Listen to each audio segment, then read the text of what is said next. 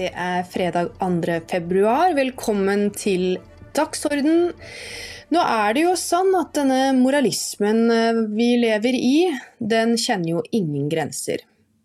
Og eh, det er det vestlige men menneskets hang til hierarki og selvutslettelse og opprettholdelse av dette hierarkiet basert på kultur og rase som, som ja, på mange måter destruerer vårt uh, og ødelegger vårt samfunn. Uh, men uh, noe står i klar tekst, og noe er litt mer subtilt. Um, og denne moralismen den gjør at de som fører den, samtidig kan se vekk fra det hatet de selv skaper, og de menneskerettighetsbruddene som begås, og den selvutslettelsen de selv holder på med på egne og andres vegne. Og de bidrar til å legitimitere dette istedenfor å stå opp mot det slik de hevder. Og Da snakker jeg selvfølgelig om eh, det siste ut, og det er konflikten eh, i Midtøsten, Israel-Gaza, eh, som bidrar sterkest til dette for øyeblikket. Velkommen, Kristian Skau. Takk skal du ha. Det er hyggelig å se deg igjen. Jeg har jo ligget i pal flat en uke nå, så det er godt å, godt å, være tilbake. Men jeg har jo fulgt med på hva som har skjedd, og jeg må jo si det at jeg syns det blir verre og verre og verre når det gjelder denne hva skal vi si, disse spisse frontene eh, når det gjelder eh, Hamas versus Israel. Altså da, og da tenker jeg på hvordan verden ser på eh, denne splittelsen i verden, på hvordan de ser på denne konflikten og hva som skjer, hva som er krig og hva som er brudd på menneskerettigheter. Men dette her er jo ikke noe som er nytt det har bare kommet veldig opp i overflaten. Vi ser det veldig tydelig nå som det er en konflikt som eh, pågår. Um, og eh, det er jo da greit å minne alle sammen på om at denne krigen føres jo fordi at det ble utført et grotesk terrorangrep mot uskyldige israelere den 7. oktober 2023. Christian, folk har jobbet mot eh, FN-apparatet. De har jobbet mot bistand til Palestina, eller Gazastripen. De har jobbet mot eh, det som foregår på Gaza, hvor man lærer opp barn til å, bli, til å drømme om å bli martyrer, til å lære å hate jøder, til å ja, drive vold og terror rett og slett mot mennesker man ikke liker, fordi man setter seg hierarkisk over disse menneskene. Og jeg tenkte at vi skulle se på et videoklipp, fordi her kommer det veldig tydelig fram hva det er som har pågått i en årrekke før eh, denne, dette terrorangrepet utløste en krig i Midtøsten. Og eh, det er jo ting som har vært forsøkt sagt, satt på agendaen lenge, og det er jo nå, først nå at vi har fått vite at flere av de som jobbet i Hva er det det heter dette her? Er det UR ja, dette FN-organet som eh, driver med bistand i, i, eh, i, Gaza, eh, at flere av de var involvert i terrorangrepet 7.10, og at nå er det også kommet fram at det er mange mange tusen som har jobbet med å hva skal man si, akkumulere jødehat i Gaza i en årrekke. Så vi skal se det klippet. Vær så god. Chairman, ranking members, members of the committee, thank you for inviting me to testify today. For years, we've been told by UNRWA and its supporters that the agency performs life-saving work and that its teachers offer Palestinian students an education that promotes human rights, tolerance, equality, and non-discrimination. Today, more than ever before, and I mean literally today, in light of the bombshell news reports in yesterday's Wall Street Journal, Reuters, and elsewhere, we now know this has been a lie. From these and other revelations of the past few days, we know that in Gaza, at least 12 UNRWA employees personally participated in the massacre of October 7th, which involved the murder of 1,200 Israelis, along with mass rape, torture, and mutilation. Secretary of State Blinken said yesterday these intelligence reports are highly, highly credible. The world also learned yesterday that 1,200 UNRWA employees in Gaza are part of Hamas or Islamic Jihad, meaning actual operatives within the political and military organizations. Finally, an estimated 6,000 UNRWA employees, being half of the workforce in Gaza, have close family members in these terrorist organizations. Now, UNRWA's top donors, the United States, Germany, Britain, Canada, and many others, have just announced they're freezing funds. Now, accordingly, I've come here from Geneva to bring before the Congress our case against UNRWA. I've come here to ask the Congress of the United States, which is the largest donor to UNRWA at over $300 million a year, to not just suspend, but to end the funding for good and to take the lead in dissolving an organization that is riddled with incitement to hate, involvement in terrorism, and the perpetuation of war. Members of the committee will find all of the evidence that I present here on our website at unwatch.org under the case against UNRWA.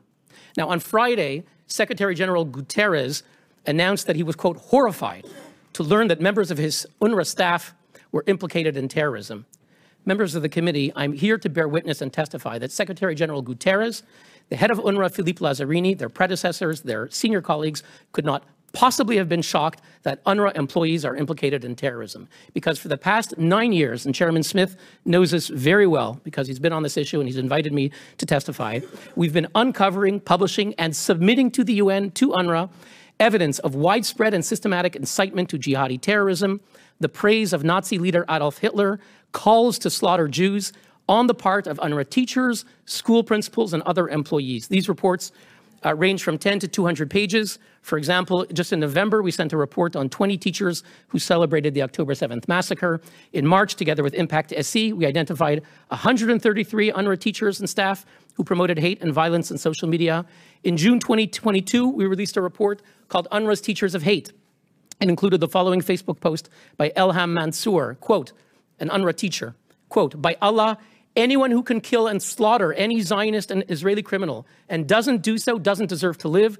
Kill them and pursue them everywhere. They are the greatest enemy. All Israel deserves is death. This is an UNRWA teacher statement on Facebook. We sent it to the UN. They did nothing. We sent them reports in 2021, 2019, 2017, 2015, numerous reports. They never contacted us for information.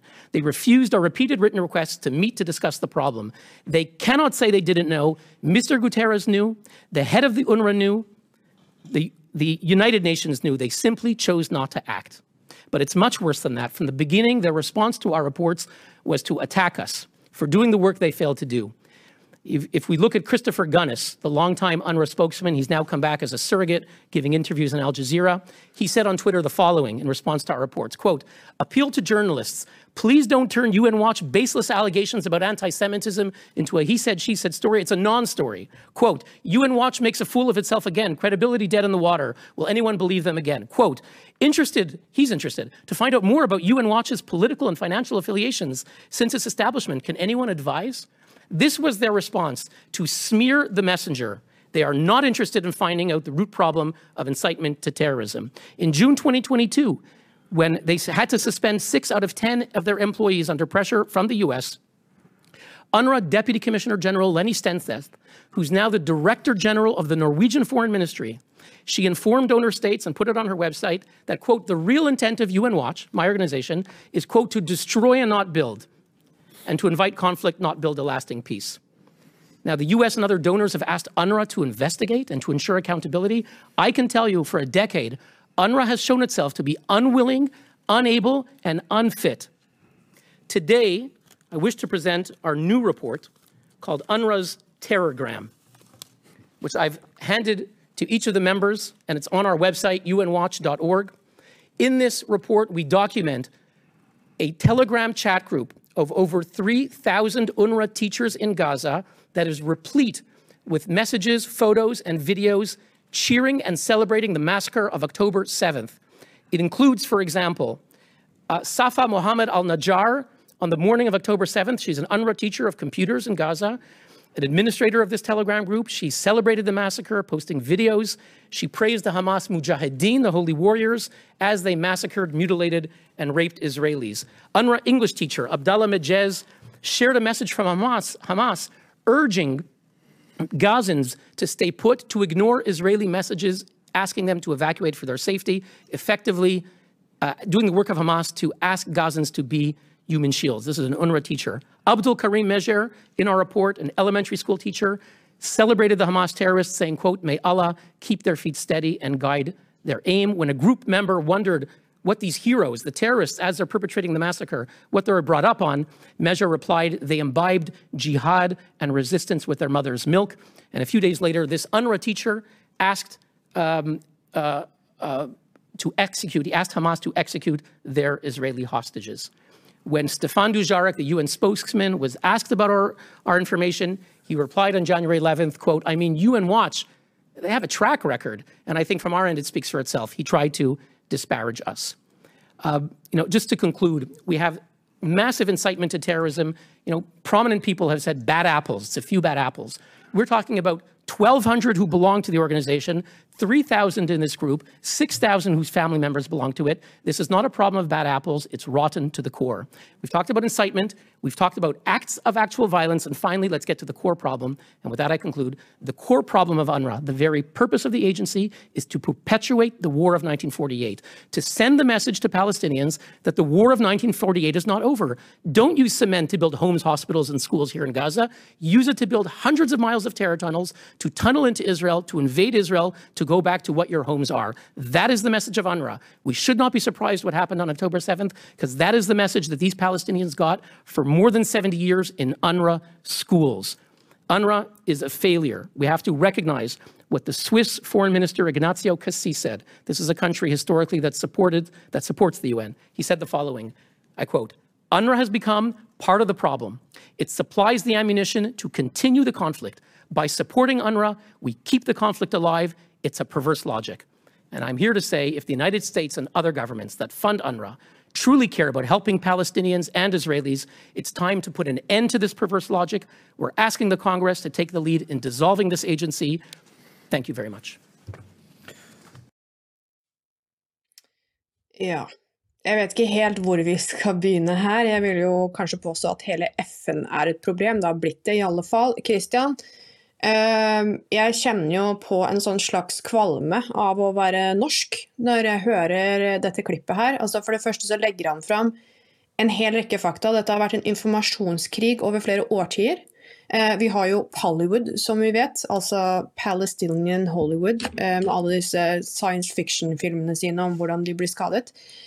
Som har pågått i en årrekke. Altså, de er jo mester i propaganda. Eller mester og mester er jo veldig gjennomsiktig, for det er jo ikke så vanskelig å se hva som er propaganda og ikke, eller har ikke vært. Nå er det kanskje verre med AI.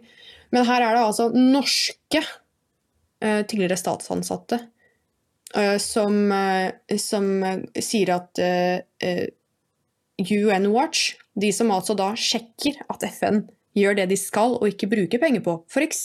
terrorisme, at de er ødeleggende og ikke oppbyggende.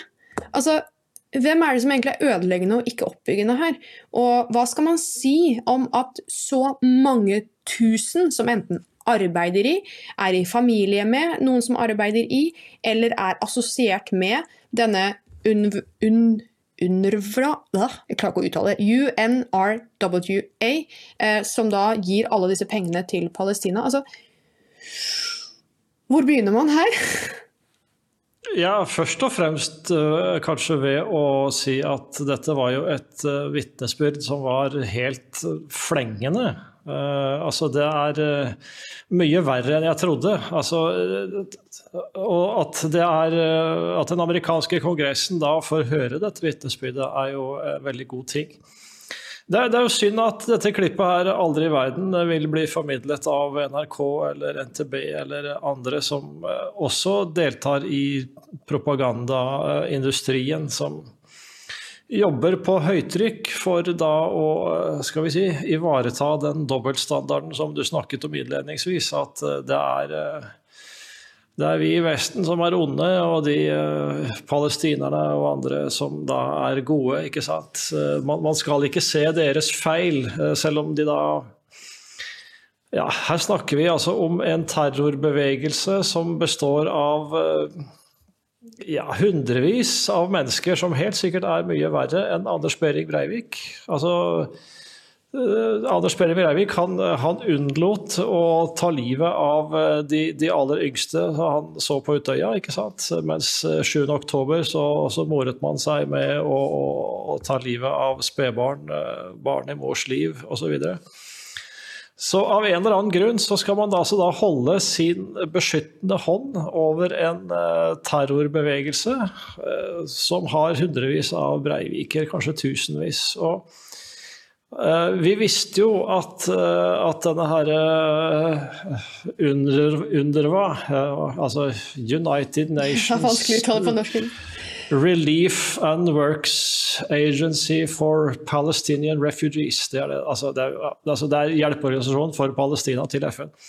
At den uh, hadde tvilsomme elementer i seg, Hamas-sympatisører, det, det, visste man for så vidt. Men at det var på denne kolossale skalaen altså 10% av lærerne deres er Hamas-medlemmer, og halvparten er familiemedlemmer. Altså det, det, er, det, er, så drepende at uh, det, er, det, er, ikke mulig uh, moralsk og intellektuelt å forsvare å gi en eneste krone til, til disse folka. Og det, det gjør det jo da ekstra skammelig at uh, Norges utenriksminister Espen Barth Eide nå eh, varsler en diplomatisk storinnsats for å få de landene som har uh, trukket støtten til dette hersens uh, rukkelverket, at, at, de skal ombestemme seg og begynne å sponse det igjen. Altså, det, og det, mener, FN er jo selve symbolet på dobbeltstandarden når det gjelder Israel. Altså Tenk på gjennom årtier, eh, kanskje Jeg vet ikke I hvert fall så lenge jeg kan huske, og det er jo ikke så lite, så har, så, så har det alltid vært fordømmelser og resolusjoner mot Israel. Eh, og i mye mindre grad ethvert annet land på planeten, selv om de da har tusen ganger verre regime enn det Israel har. Og det er, eh, det er så skammelig at uh, altså alle siviliserte land bare burde melde seg ut derfra. Altså Trump begynte jo pent og forsiktig med å trekke USA ut av Parisavtalen og ut av Verdens helseorganisasjon. Og det, vi får jo bare håpe at uh, hvis han kommer tilbake, at han bare tar hele landet ut av hele fordømte organisasjonen, og gjerne dytter bygningen ut til East River også, der den hører hjemme. Hør, hør, Christian. Det, det skulle ikke vært bedre. Men altså, jeg, jeg blir ehm, Jeg tror jeg, Flau er faktisk ikke riktig ord. Eh, det er ikke det at jeg blir flau, eh, eller at jeg syns det er pinlig. Eh, jeg syns det er amoralsk, og jeg skammer meg når jeg ser hvordan våre politikere holder på. Espen Barth Eide, som du nevnte, er en av de. Men det er ikke bare politikerne våre. Altså, vi har en politisk linje som er som støtter opp om Hamas og andre terrororganisasjoner, som Taliban. vet Vi vi har jo flydd dem inn på eh, privatfly og driver og dikki-dalla med dem eh, og styra og ordna. Altså, akkurat som om det skulle gjort noen verdens forskjell. Altså, de ser oss jo som en dumme pengesekker. Eh, og vi støtter dette her. Vi støtter drap og terror og tortur av andre mennesker. Eh, fordi at vi da liksom skal anse dem som bedre enn oss, for det er jo så synd på Det er, så, det sånn paralleller med rasisme som foregår her, Christian. Det er de lave forventningers rasisme.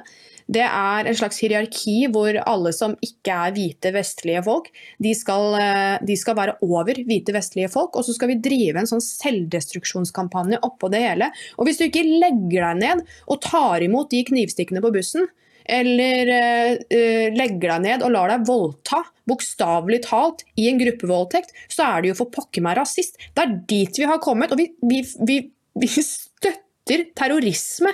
Christian, Espen Barth Eide støtter terrorisme. Norske politikere støtter terrorisme.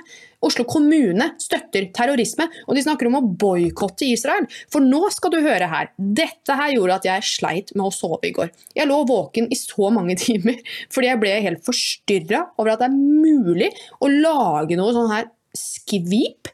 Det er altså noe som heter næringsopprøret, Christian. Og vi har en faksimile av det. Det eh, dukket opp på Facebooken min i går. Skal vi se her. Eh, her har vi den. 'Lederopprop for menneskerettigheter'. Flott tittel, ikke sant? Bla, bla, bla. Menneskerettigheter ditt, menneskerettigheter datt. Og, det, og de oppsummerer da det hele med at eh, oljefondet og Norge må boikotte Israel. De skal ikke handle fra okkuperte områder. Det er det som er målet her. Målet her er Man har masse bladblad om krigen, men her prøver man da altså å vekke til live en boikott som vi har klart å forhindre i lang tid, med unntak av noen kommuner. For noen kommuner har faktisk boikotta israelske varer. Det er folk som har drivet og putta klistremerker på varer i butikkene for man ikke skal kjøpe det fordi det er fra Israel. Altså, jeg tror ikke folk egentlig forstår hva Israel leverer til oss av nødvendige ressurser. Eh, og eh, hva Israel egentlig er, men det, det, er en helt annen diskusjon. Men her er det altså da et opprop.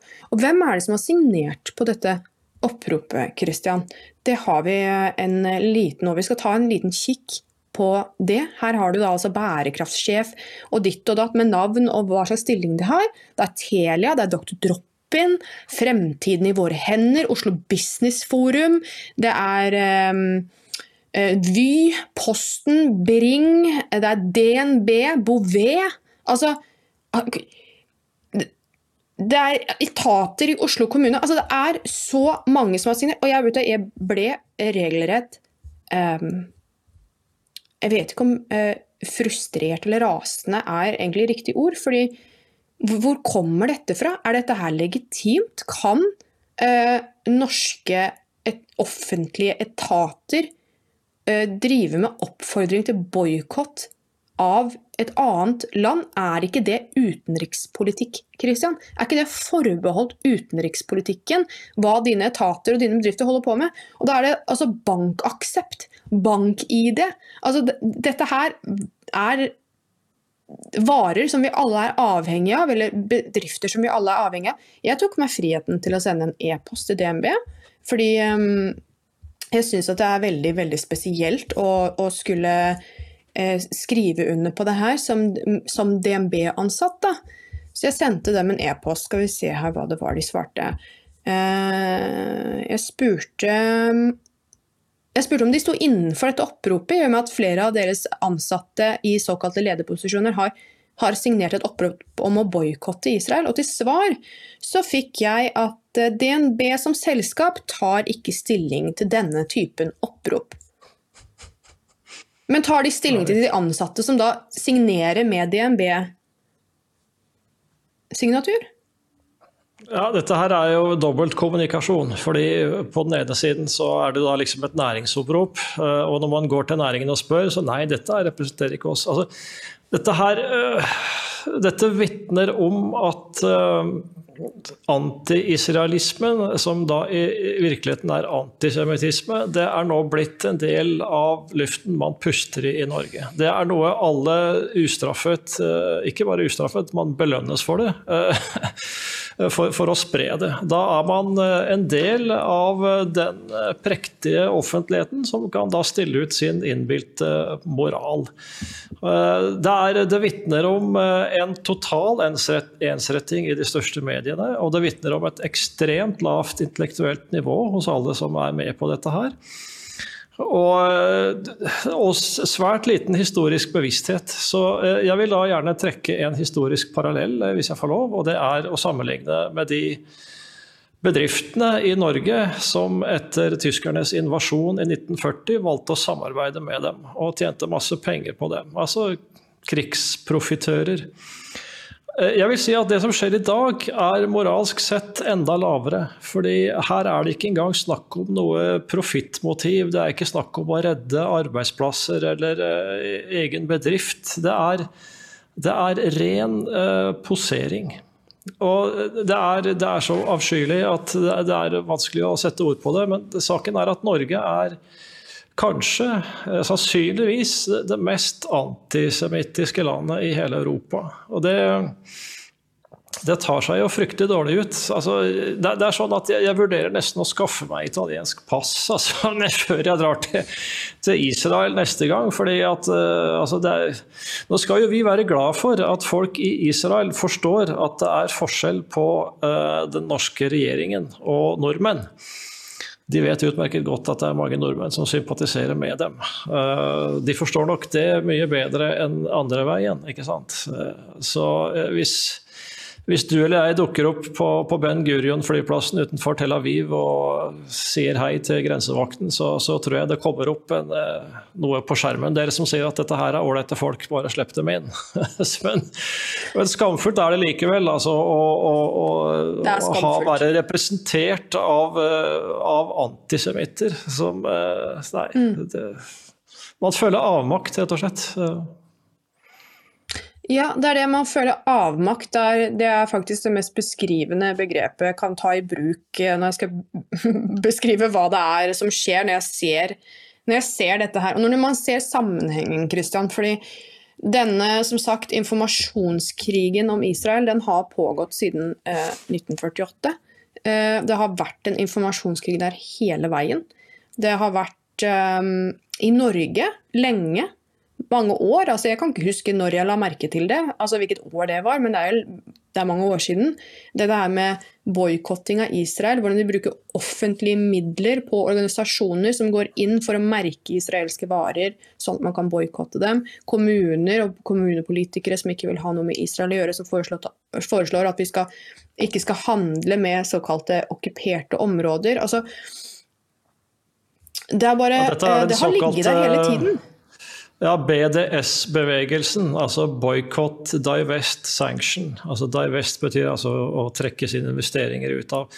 Eh, BDS-bevegelsen har jo vært assosiert med hardcore antisemitter. Uh, altså folk som har hatt tilknytning til terrorbevegelser i, i, de palestinske områdene. og og BDS-bevegelsen har jo blitt erklært antisemittisk av myndighetene i flere vestlige land. Eh, men nå er det da plutselig helt eh, god latin i Norge å ordlegge seg på måter som er helt i tråd med det BDS-bevegelsen har stått for. Det, er liksom, det, det, det, skjer da helt uten noen som helst skandale. Men, men det er jo ikke noe rart, fordi altså, vi som følger med på de norske mediene så mye vi orker da, uten å bli kvalme, vi, vi, vi ser jo hvordan det systematisk fremstilles eh, som at Israel eh, er en skurk og palestinerne uskyldige ofre. Det, det, går igjen i, i, melding etter melding og nyhet etter nyhet. Det er, det er ikke sånn at de nødvendigvis uh, sier ting som er faktuelt feil. Men det er i hver eneste minste detalj, altså valget av disse bitte små ordene som, som trigger hjernen din til å føle sympati eller antipati.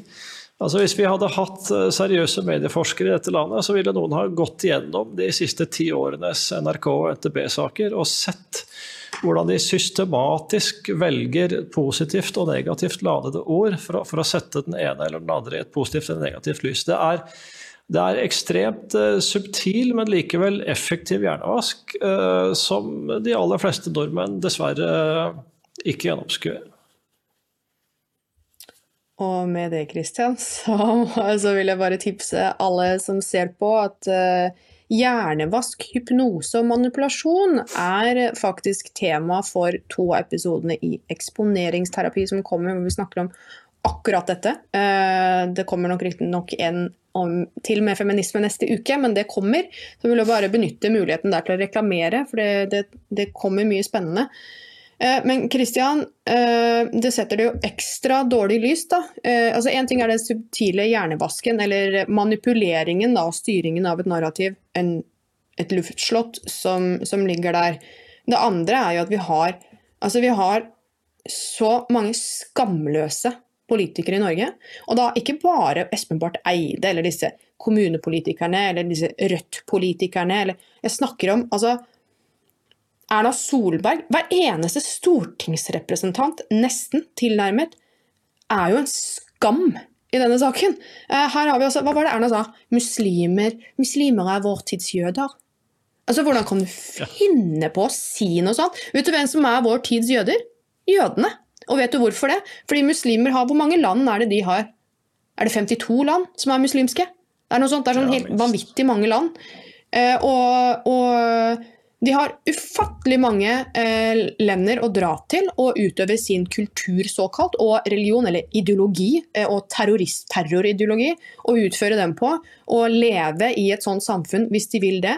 Men de skal på død og liv utslette det eneste jødiske landet i verden. Og ikke bare skal de utslette det eneste jødiske landet i verden, de skal invadere og, og få vestlige folk til å tilpasse seg deres kultur her hvor vi bor. Vet du hva? Nå den derre eh, vår tids jøder, Erna Solberg, den kan du dra lenger inn i fuglekassa med. Den holder ikke lenger. Vår tids jøder er jøder, og de jages fra Europa i hopetall. Hvor mange er det ikke som har blitt kasta over en balkong? Jeg husker i hvert fall en fransk holocaust-overlever som ble drept på den måten i Frankrike, var det Paris? Hvis jeg ikke husker feil. Uh, og vi har hatt MIF i Norge som et motstykke til det med Israel for fred, som også har eh, brukt eh, UN Watch og gravd opp disse skolebøkene som, som blir eh, brukt på Gaza, hvordan de læres opp til å hate jøder, at Israel skal bort. Altså, det kommer jo fram noen veldig eh, legitime poenger her også, Christian. Her har man fått ufattelig mye penger. Du, altså hele, det, hele det lille stykket land eh, som vi kaller Palestina, altså Gaza, eh, er jo blitt finansiert av Vesten. Eh, og hva har de brukt pengene på? De har brukt det på å, å eh, drive med, med, jødehat, lære opp barn til jødehat. Eh, betale familier til terrorister fordi at de får et så, såkalt martyrbidrag. Til å lage skolebøker med jødehat, tegneserier med jødehat, og til å bygge terrortunneler, sånn at de kan angripe Israel. Og dette her forsvarer folk. Det eneste som har stått imot det her, sånn på en sånn høyere skala i Norge, det er vel med Israel for fred, hvis jeg ikke tar helt feil. For arrestere meg og legge til hvis det er noen flere som virkelig høylytt har gått ut og snakket om akkurat disse tingene. Eh, med, med unntak av dokument, selvfølgelig. Eh, men eh, Nei, jeg syns det er skammelig, Kristian.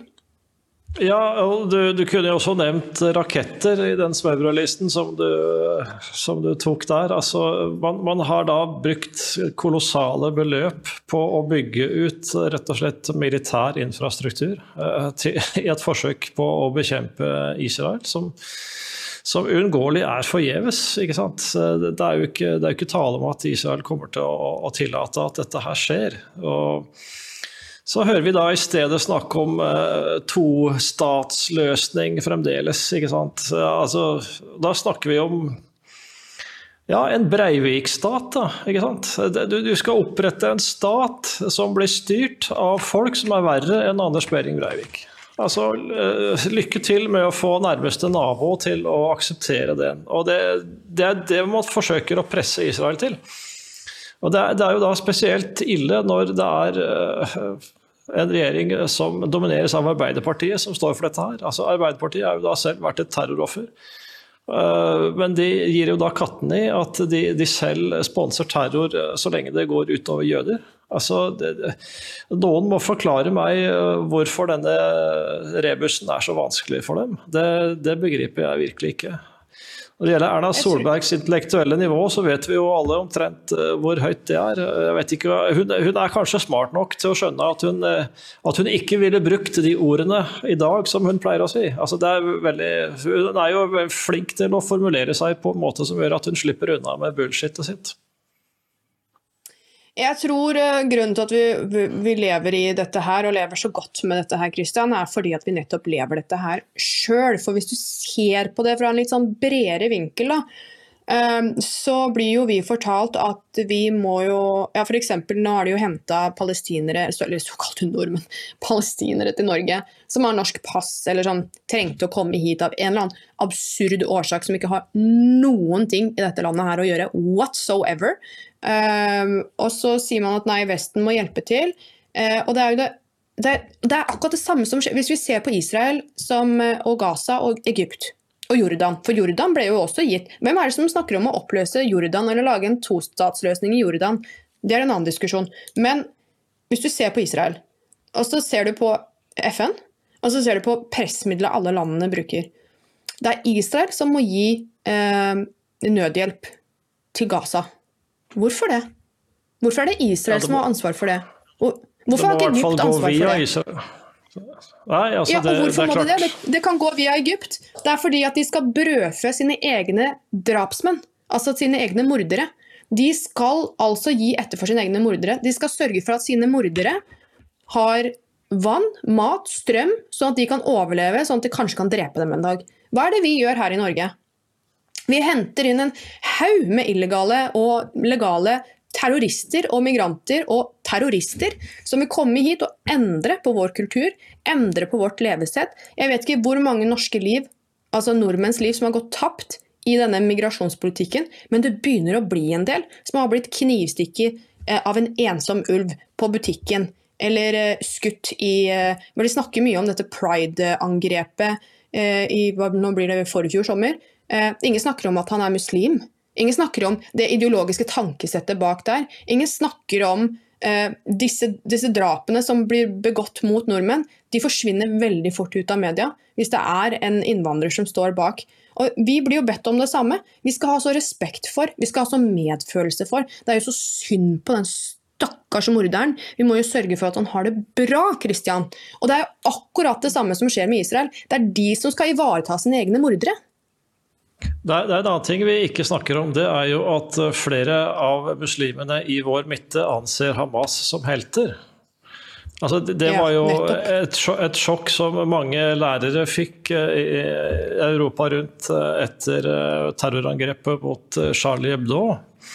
Det var jo at muslimene i klassen syntes dette her var helt topp, dette var helter. Og det var jo da en, mm.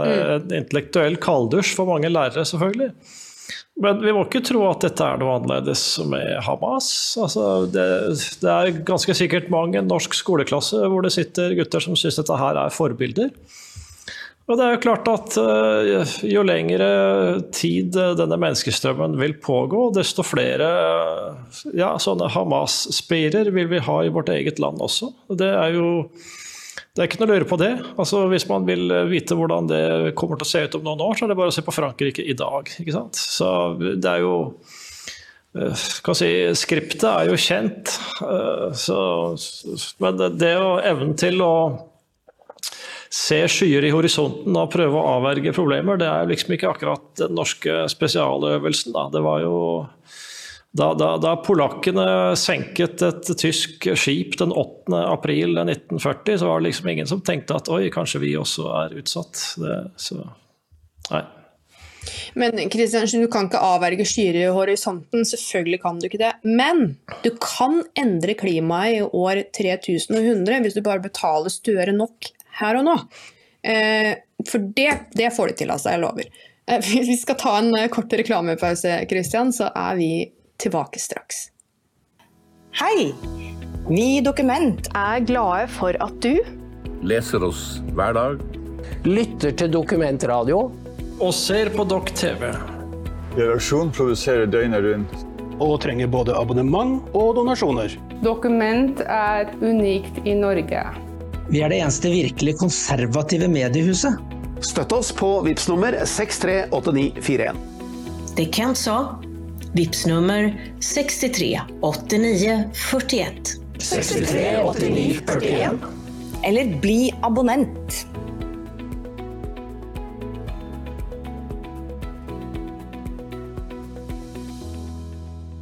Er du lokallagsmedlem? Mm, ikke det? Nei, da har du muligheten å melde deg inn. Velkommen til oss. Det er fredag, det er snart helg, folk skal slappe av. Dere der hjemme skal sikkert ta dere en velfortjent pause, eller kanskje dere skal lese dere opp på noe eller lese en god bok. Eh, husk at vi har bøker på dokumentforlag.no. Du kan klikke hjem noen godsaker der, f.eks. De helliges leir, som eh, er en slags eh, ja, eh, hva skal vi si, en spådom over eh, det livet vi lever i dag. Men vi har gledelige nyheter også. Vi har gledelige nyheter, og det er jo selvfølgelig det at bondeopprøret det vokser og vokser og vokser. Og Christian, nå er det en hel rekke land som har slengt seg på. Skal vi se om jeg har denne listen min her. Det er da altså Nederland, Skottland, Frankrike, Tyskland, Polen, Belgia, Litauen, Romania, Italia, Hellas, Spania, Portugal og nå også Irland det begynner å bli litt, da. Ja, det er praktfullt. Altså, jeg tror du kunne føyd Luxembourg til lista. Det er riktignok et land som ikke teller en døyt, men altså, sånn eh, for the fun of it. Altså, det er, eh, og en annen ting som er interessant, det er at de får eh, sympatierklæringer fra andre skal vi si, praktiske yrkesgrupper, som f.eks. fiskere, lastebilsjåfører osv. Bussjåfører. Da tenker man da, tenk, da, tenker man jo at dette her er trøkkeropprøret på en annen arena og en annen verdensdel, bare 100 ganger større. Og det, det, er, det er, jo ikke et øyeblikk for tidlig, selvfølgelig. Er, det er jo mennesker i praktiske yrker som, som driver eh, verden fremover, som, som, ser de første resultatene av alt vanviddet. Så det er oppløftende. Kjempeoppløftende. Jeg så faktisk et bilde, det tok jeg ikke med, men jeg så et bilde på Twitter hvor det var en eh, bussjåfør som hadde skrevet om eh, det, vet, der hvor det står hvor, bussen skal. Det stod det 'Jeg er en traktor' på tysk. Jeg syns jeg var herlig, for det viser den solidariteten.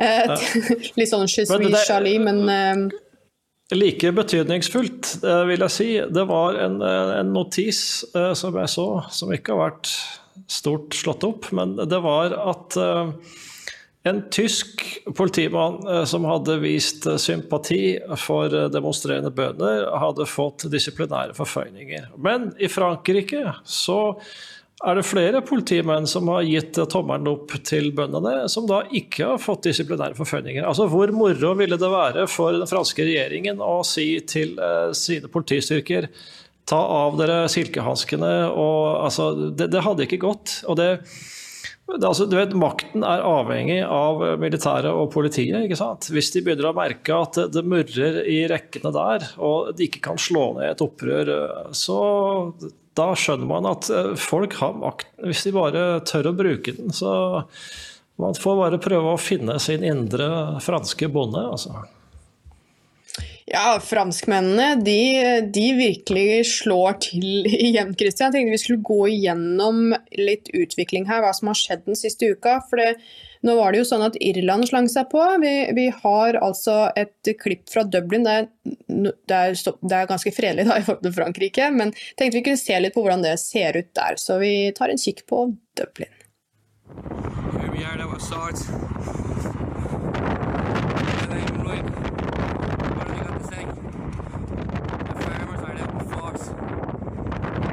was Unbelievable. Great scenes here in Dublin. The people fully support agriculture sector. These are the backbone of the Irish economy. No farming equals no food. It's as simple as that.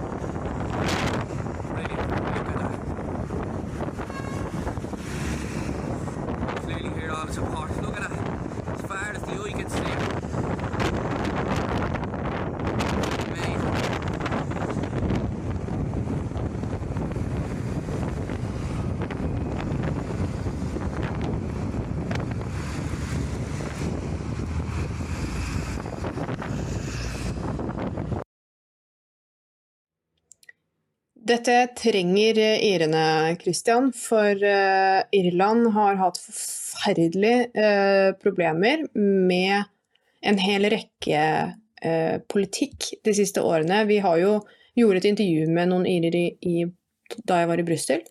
vi har jo fått nyhetene fra, fra Irland om hvordan disse hatlovene har blitt omdefinert, hva fengselsstraffen for de er migranter som bor på operative skoler. De bare de, de oversvømmer samfunnet med, med migranter. Eh, og kan dette være redningen for, eh, for, irene nå? Nå har de virkelig fått nok. Nå har bøndene begynt å røre på seg. Og da er det jo en bevegelse som virkelig kan vokse i dette landet. For jeg tror irene har fått rimelig nok. Eh, for de har vært mye sterkere presset enn det vi har vært i Norge. Eller i andre europeiske land.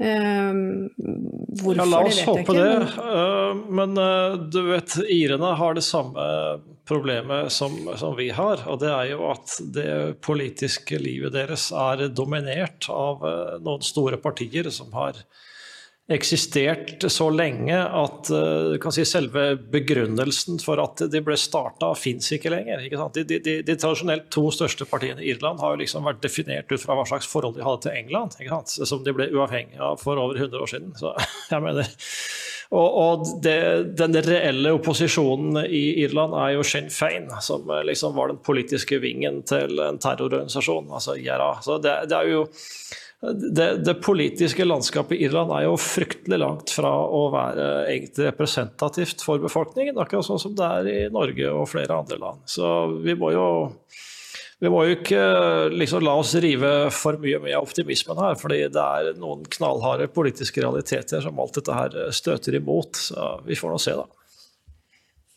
Det har du rett i, men på en annen side så har irene tross det, eh, så har de faktisk demonstrert eh, hver eneste uke mot uh, disse hatlovene, mot disse migrantlovene. Det kommer selvfølgelig aldri fram i media. De reiser til Brussel jevnlig for å demonstrere uh, i EU-parlamentet uh, for sine egne representanter i EU. Så det er tæl i irene. Jeg tenker jo at de må jo ha møtt på en eller annen slags utmattelse på et eller annet tidspunkt. Men nå har i hvert fall bøndene slengt seg på. Jeg tror det, det gir et nytt giv da, til å, for irene til å ivareta Irlands interesser, sine interesser, og kanskje få det litt mer fram på dagsordenen. Nå, nå, får vi jo se hvordan dette utvikler seg. Men det at uh, bondeopprøret har medvind, det kommer vi ikke unna. Og jeg tenkte at vi skulle kikke på, for Tyskland var jo i eh, søkelyset en stund før Frankrike. Det er nesten litt sånn konkurranse, vet du. Hvem kan fylle mest dritt inn i regjeringskvartalet? Men, men i Tyskland så skjer nå altså dette. Vi tar en kikk på Tyskland.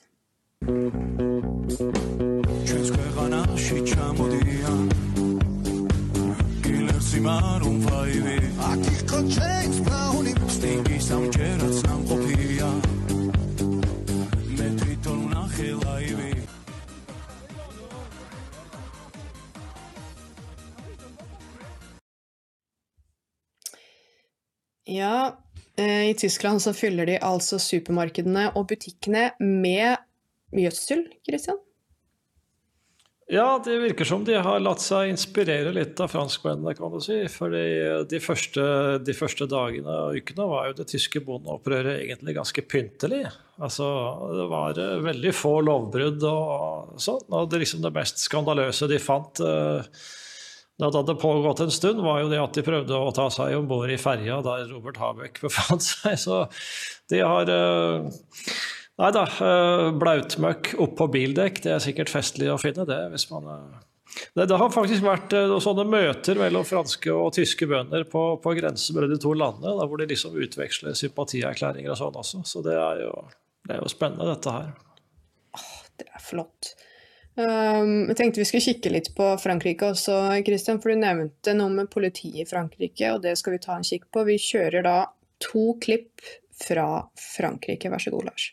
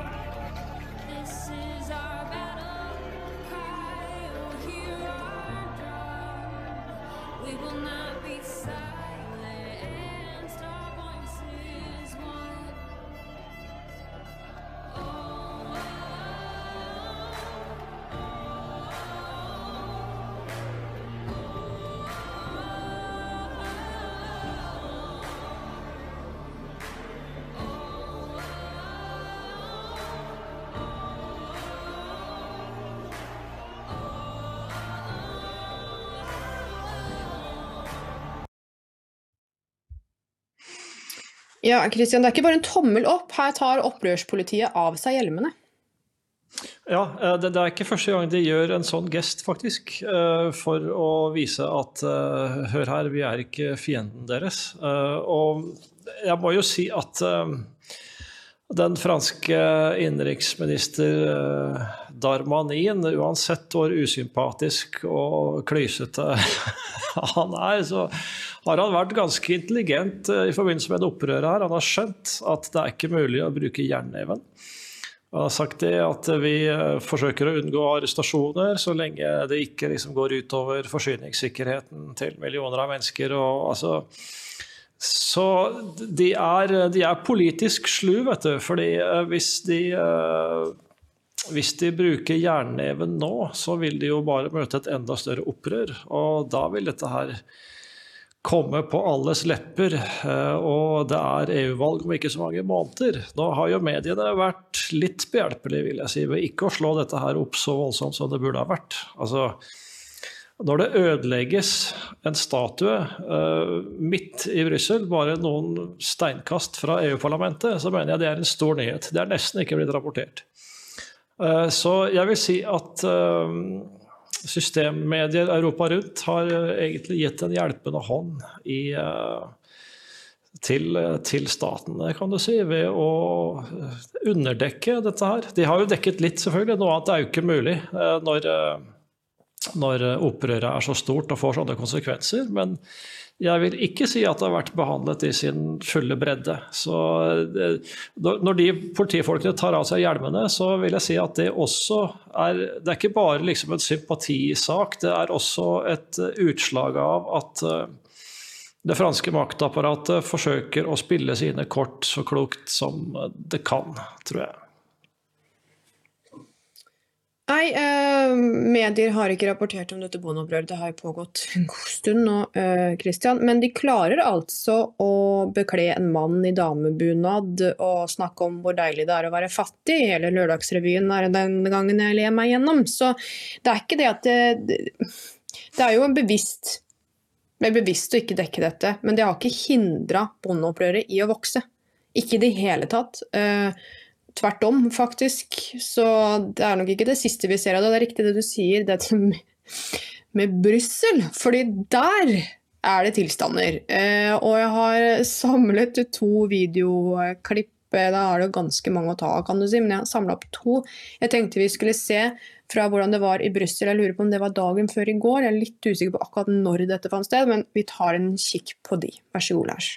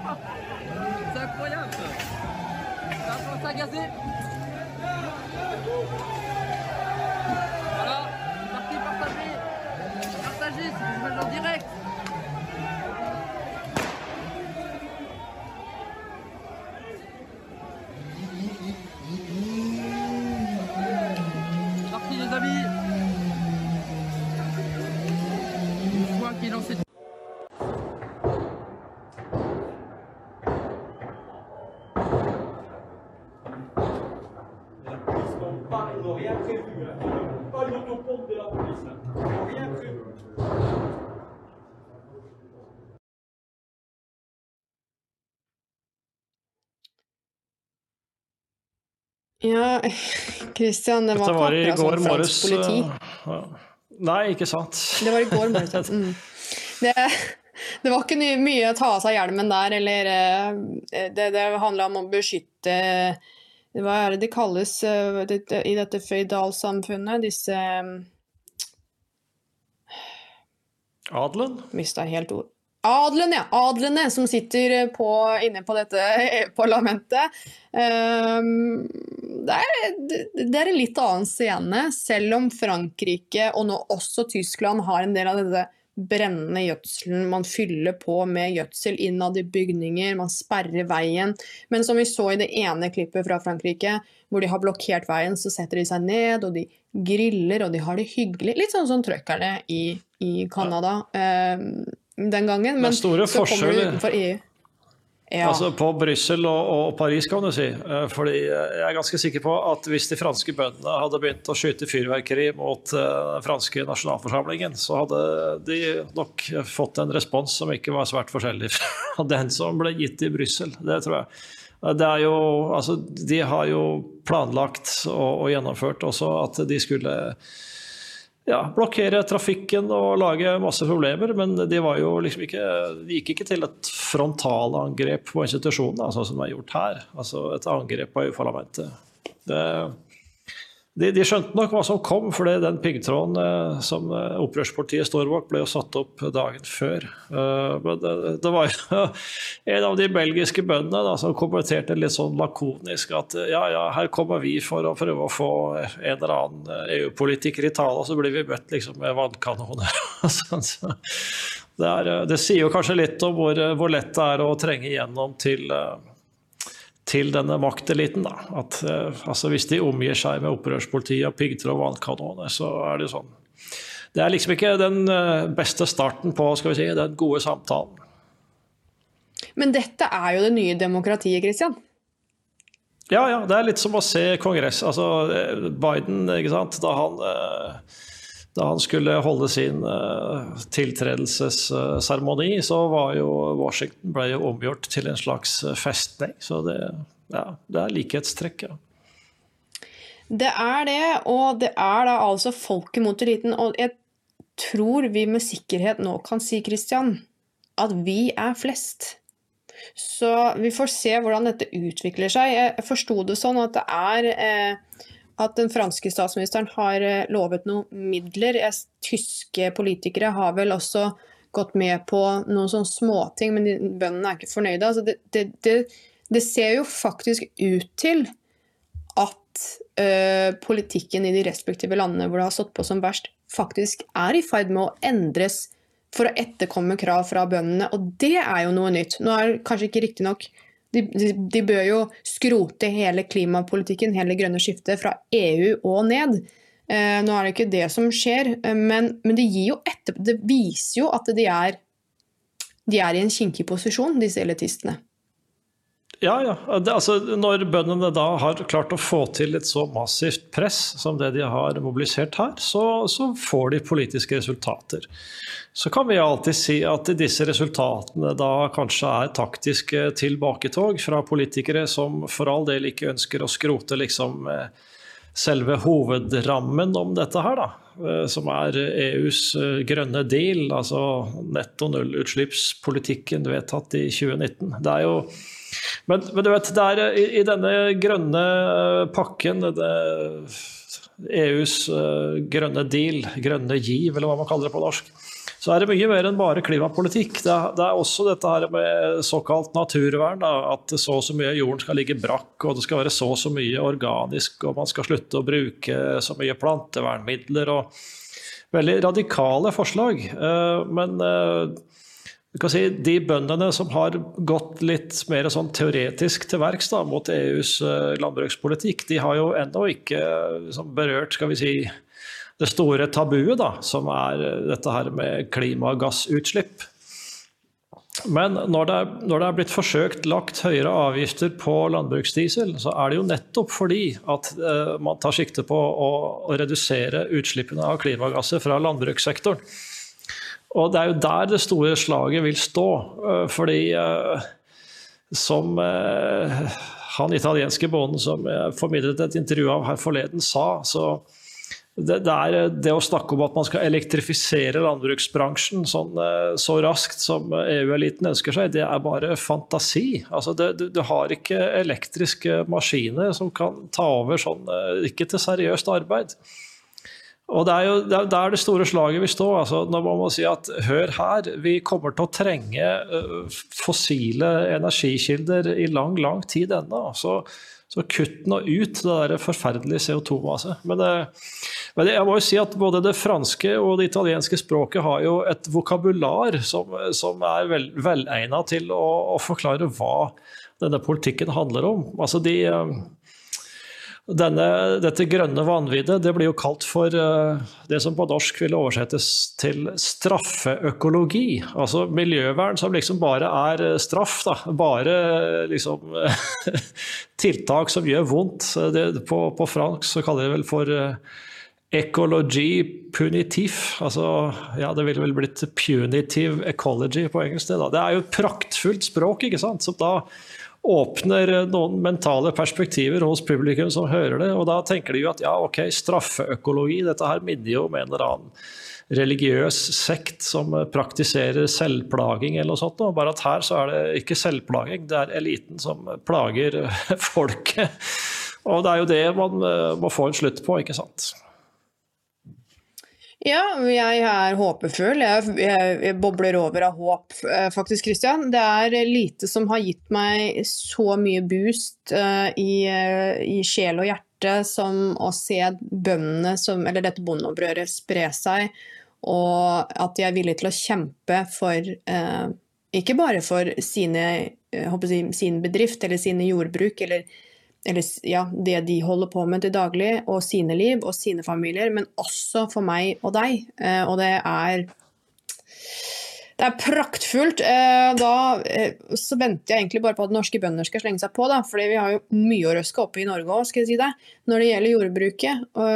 Men i mellomtiden så får vi sitte her og skamme oss over de der ubrukelige, udugelige, forferdelige politikerne vi har, som er antisemitter, og som finansierer terror og, og syns at det er kjempefint.